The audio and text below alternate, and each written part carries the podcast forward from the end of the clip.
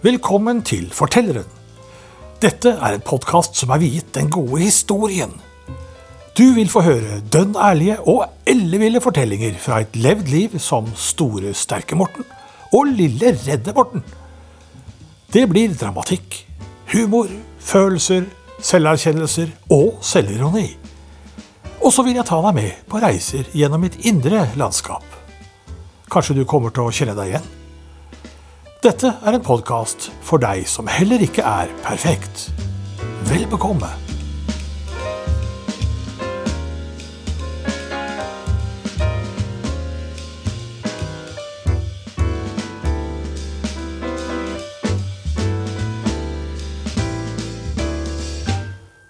Hei sann! Jeg heter Morten Golimo, og jeg har levd et rikt, men til tider smertefullt og turbulent liv som frilansjournalist, fotograf, musiker og kunstner. Slik blir det gode historier av. Og i dag skal jeg fortelle om en av mine største fadeser, eller si kanskje den største fadesen i min journalistiske karriere.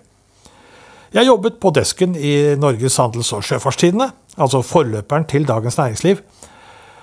Og redaktørene hadde fått det for seg at vi deskjournalister med jevne mellomrom skulle jobbe som utegående reportere. Ja, for avvekslingens skyld. Det gikk helt bra, det. Helt til det var min tur.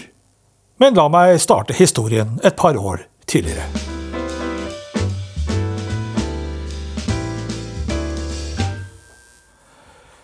Det heter ikke Skla, sa redaktør Kåre Lunde. Egentlig var han baptistpastor, men i mange år hadde han nå vært redaktør for ukebladet Familien. Det kristelige ukebladet som bare kom ut annenhver uke, og dermed ikke var et ordentlig ukeblad med samme prestisje og, og, posisjon som storesøstrene Hjemmet og Alders og, og alle de andre ekte ukebladene. Hadde jeg hatt mot nok og trodd jeg var god nok, så ville jeg heller ha skrevet for dem. For der jobbet jo Arild Mikkelsen og Ottar Berge og Liv Hekli og Ann-Britt Hangre og så Eva Glorvigen og alle de andre storhetene. Det var helt utenkelig at lille jeg skulle kunne spille i samme liga som dem, for å si det slik. De var jo så mye flinkere enn meg, kunne jeg tenke. Nei, det fikk holde med familien, som altså hadde en redaktør som påpekte at det ikke heter Skla. Han la manuskriptet kraftfullt og bestemt, men, en, men en pastor verdig, ned på hjørnet av min skrivepult. Dette var mitt første manuskript ever mitt første journalistiske produkt, og det uten at jeg hadde noen som helst forståelse av eller kunnskap om hva journalistikk innebærer. Naiv og grønn som en anorektisk ert som jeg var, syntes jeg det bare så tøft ut å være journalist. Det måtte prøves. Det måtte jeg vel kunne klare, iallfall for en liten stund, og for et lite kristelig ukeblad som levde i skyggen av de store. Slik var det ofte med meg den gangen, før jeg skjønte at kunnskap og innsikt gjerne henger nøye sammen med det å være dyktig og profesjonell. Prøv først, og se om du behersker det etterpå, var liksom regelen jeg hadde fulgt fram eh, til da i livet.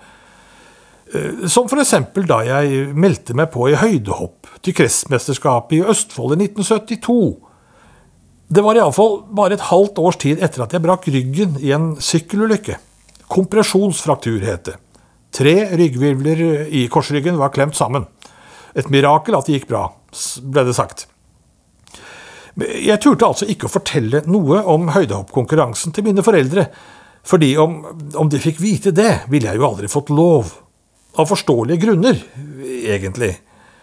Jeg ville heller gi dem en sånn gledelig overraskelse om jeg gjorde det bra. De hadde et stort behov for å føle at de var stolte av meg og, og, og glade i meg. Så jeg dro til Askim, jeg, og deltok. Saken er at jeg ikke kunne hoppe fastbår i flopp, som var den hoppstilen alle hadde gått eh, over til å bruke. Jeg kunne bare bruke dykkstil, for det gjorde de på 60-tallet da jeg prøvde å etterape og kopiere det som jeg hadde sett på TV-en og på Bislett, eh, Bislett stadion under den eh, årlige svenskekampen. Jeg tror det het svenskekampen. Jeg lagde meg et høydehoppstativ på sløyden, litt, eh, etter litt forhandlinger da med sløydlærer Eftestøl. Og så trente jeg i hagen. Da jeg var tolv, så hoppet jeg 1,76 i gymmen på skolen. Og da jeg i andre gym fem-seks år senere, gikk over 1,90, ble gymlæreren så imponert at han mente jeg burde melde meg på i kretsmesterskapet. Og hvis jeg gikk over til Fosbury Flop, så ville jeg kunne hoppe enda høyere, mente han.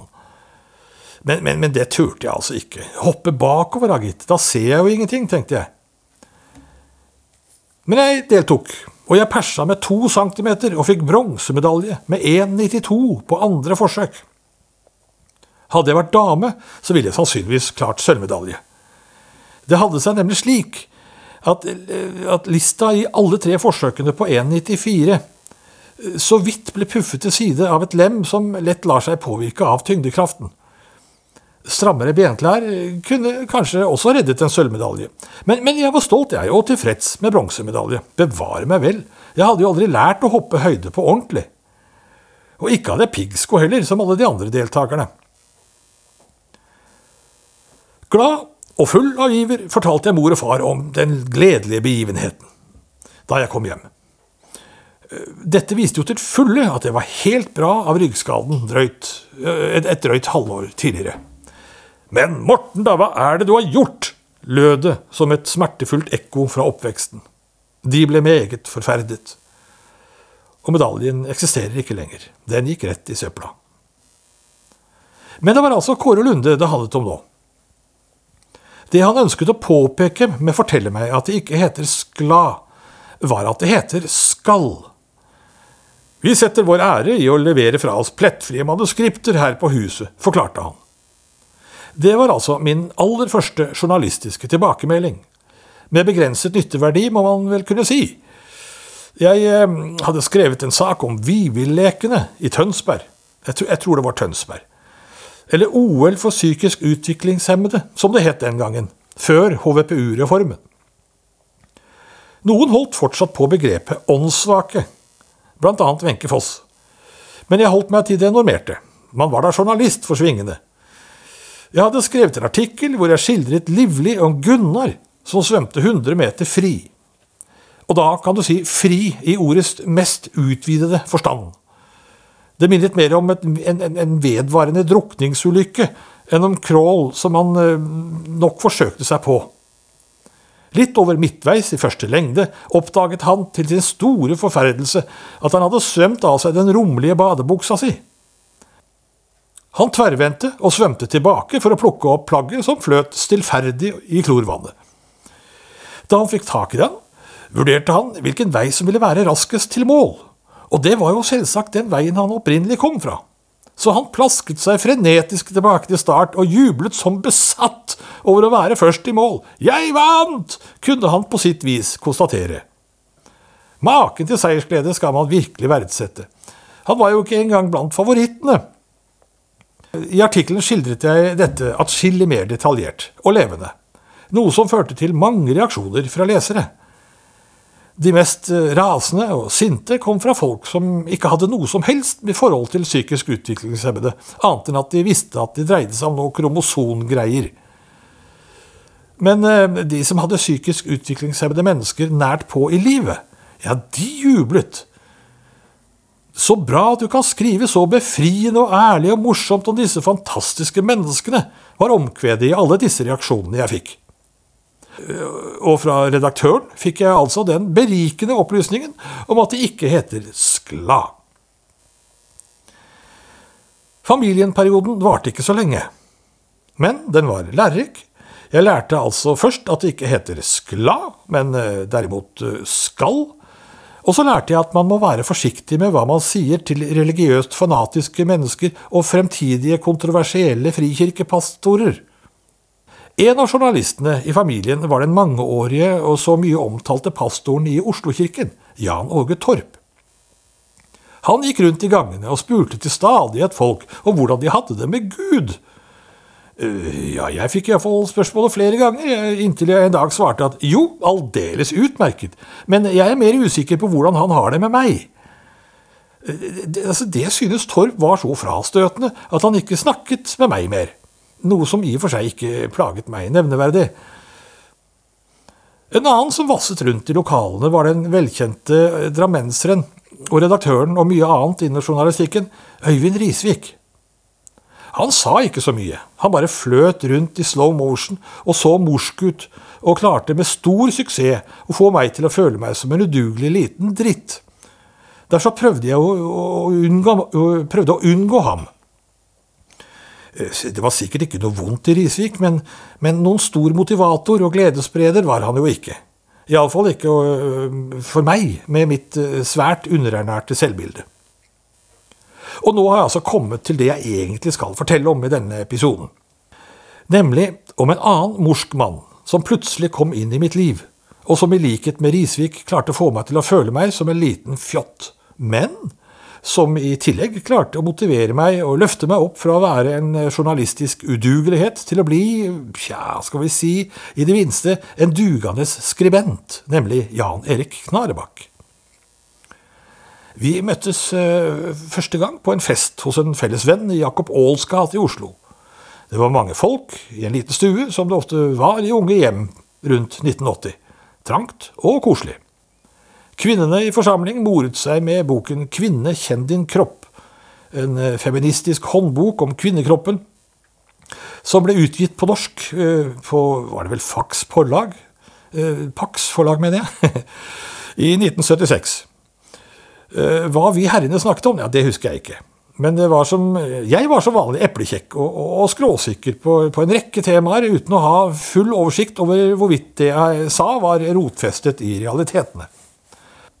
Men jeg var velformulert og overbevisende, og det merket Knarbakk seg. Kort tid etterpå ringte han meg og, og tilbød meg jobb i Norges Handels- og Sjøfartstidende. Jeg visste knapt om avisen, eh, og enda mindre om hva den skrev om. Eh, bortsett fra at det ganske sikkert eh, hadde noe med handel og, og sjøfart å gjøre. Jeg blir jo sjøsjuk bare å se bildet av en pram. Men det var i og for seg ikke eh, av avgjørende betydning, da. For jeg, jeg, skulle sitte på desken og redigere og lage layout. Og det kunne jeg heller ikke noe om. Men eh, godeste Knarbakk så noe i meg. Et eller annet potensial. Noen, noen egenskaper som jeg selv ikke hadde kjennskap til. Og dette ble starten på min journalistiske karriere. Det var eh, nå jeg skjønte at jeg måtte lære meg å, å, å kalibrere min indre forestillingsverden tilpasse den til eh, den virkelige verden, så å si. Fragile Lille-Morten måtte holdes skjult for omgivelsene. For alle rundt meg var jo så flinke og store og sterke. Og trygge. De kunne alt mulig og var så sikre på alt. De spiste sånne som meg til lunsj hvis de fant ut hvor uvesentlig jeg egentlig var. Men jeg var god til å late som. Uh, som den gang jeg som guttunge løp rundt med en lang, flott planke på hodet og trodde fullt og fast på at jeg lignet en brannbil. Uh, ja, det var jo egentlig bare å late som jeg var en brannbil. Og så ble jeg liksom til en brannbil med en planke på hodet. Vel, altså Det var jo bare å late som om jeg var like stor og sterk eh, og, og trygg som de andre for, og for all del unngå å bli avslørt. Og, og, og, og slik ble det. Redde Lille-Morten lot som han var store Tøffe-Morten, og ble til dyktige Feike-Morten. Som ble altså utrolig flink til å styre unna farlige situasjoner. Men ikke alltid. Ikke den gang jeg skulle sendes ut for å dekke overdragelsen av det som til da var eh, Norges største industrielle lån jeg husker ikke hvem som skulle få lånet, jeg husker ikke hvem som ga lånet, og jeg husker ikke hvilket beløp det dreide seg om, eller kort og greit, jeg husker ingen verdens ting fra begivenheten. Da jeg på morgenmøtet den dagen ble tildelt oppgaven å, å dekke lånesaken, så gikk hjernen min i svart og ansiktet i rødt. Momentant. Jeg ville bli avslørt. Om et par timer ville alle skjønne at jeg ikke kunne noe som helst om handel og sjøfart. At jeg var en fake og en dust. At Lille-Morten var den egentlige Morten, og at Tøffe-Morten kun var en fake. Ja vel, jeg var blitt flink, og ikke minst ganske rask til å tegne avissider og lage gode titler og spenstige ingresser. Og oppnådde anerkjennelse for det. Men det handlet bare om å være kreativ, det, og, og, og tenke litt alternativt. Den rollen var jeg trygg i. Og jeg trengte ikke å kunne noe som helst om, om hva de andre skrev om. Jeg husker f.eks. en morgen Knarbakk kom inn stormende til desken, viftende med dagens ferske avis. Hvem har laget denne tittelen? tordnet han, med morskefjeset på. Saken dreide seg om en oversettelse fra New York Times som handlet om hvorfor så mange internasjonale industriavtaler gikk i oppløsning. En midtsidesak, faktisk. Jeg hadde tegnet den ut med tosiders tittel og svært bilde og greier. Enkelt, egentlig. Og jeg var ganske fornøyd med tittelen jeg hadde laget. Den lød Derfor ender internasjonale firmaekteskap i tårer. Perfekt linjefall. Det, det, det er jeg, pep Lille-Morten, engstelig, og gjorde seg så usynlig som mulig bak skrivemaskinen og Teddy uten filterrøykskyen. Han ble alltid engstelig når Knarbakk hadde morskeansiktet på. Det er jo begavet! basunerte blidansikt Knarbakk. Knarbakks ansikt kunne nemlig skifte karakter ubegripelig raskt. Forvandlingen var så voldsom og umiddelbar at den kunne oppfattes som om mannen i samme moment skiftet personlighet fra å være den biskeste av de biske til den mildeste og blideste av de milde og blide. Og stemmen likedan. Det først omtalte ansiktet ble akkompagnert av en dyp, basunaktig og angstfremkallende stemme, mens blide Knarmaks stemme var mild og nærmest trøstende i sitt vesen. Jeg takket og kjente hvordan angsten sakte vek for sildrende vellyst. Men så var det altså denne saken om lånet, da. Jeg dro av gårde til pressekonferansen, full av angst og beven, iført grønne cortfløyelsbukser. Eh, jeg, jeg, beklager altså, men, men, men det, det, var veldig populært på den tiden med, med grønne cortfløyelsbukser. Og en eiendommelig jakke som på ingen som helst måte sto i stil til buksene. Jeg har aldri skjønt meg på dette med, med, med hva som passer sammen og ikke. Men drit nå i det, da. Eh, det er ikke det det handler om nå. En skjønt, da jeg litt forsinket kom til, eh, til hotellet begivenheten skulle finne sted, ble jeg stoppet av en pikkoloaktig fremtoning som fysisk stoppet meg og henviste meg tilbake dit jeg kom fra. Han så jo bare en tynn slåp i klovnedrakt. Det er pressekonferanse her, sa han myndig, men jeg kommer fra sjøfarten. Tøffe-Morten forsøkte å komme på banen, men egentlig var det Lille-Morten som opptrådte. Lille-Morten som følte seg veldig fort underlegen. Og beklager, denne veien, min herre, sa klovnepingvinen. Jeg ble høflig, nærmest på aristokratisk vis, ført inn i et lokale stappfullt av dresskledte menn. Ja, om det bare var menn der, vet jeg jo ikke sikkert, for min observasjonsevne på det tidspunktet var mildest talt tåkelagt. Kanskje var det en og annen kvinne der også, for alt jeg vet. Men det er ikke vesentlig i denne sammenhengen. Poenget er at jeg på det tidspunktet var så panisk paralysert at jeg ikke klarte å oppfatte noe som helst. Jeg var altså utstedt fra Norges viktigste, for så vidt også den eneste rendyrkede næringslivsavis, eh, med ei et fjed av kunnskap om hva som foregikk, og skulle skrive om noe av det største som akkurat da skjedde i norsk næringsliv, industri og shipping noensinne. Og jeg, rene ord for penga, hadde null peil. Jeg visste at jeg hadde driti meg ut noe så ettertrykkelig bare fordi jeg hadde latt Fake-Morten vinne på morgenmøtet. Jeg burde sagt ifra på dette morgenmøtet at jeg ikke hadde den nødvendige kunnskap og kvalifikasjoner for dette oppdraget, og dermed skånet både meg og avisen for pinligheter. Jeg var kommet langt forbi the point of no return. I denne situasjonen kunne selv ikke Fake-Morten redde meg. Jeg var fortapt!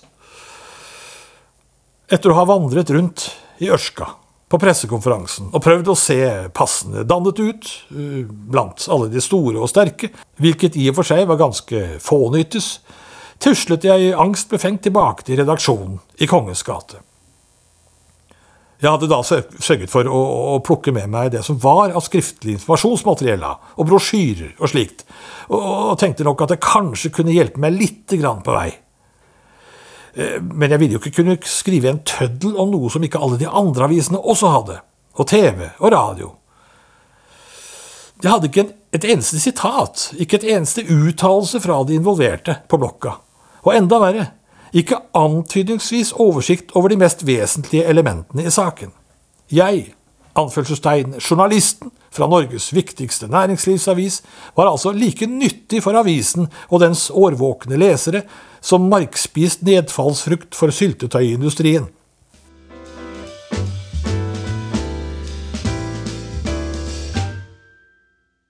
Dette blir første side, oppmuntret desksjefen meg smilende da jeg var tilbake i redaksjonen.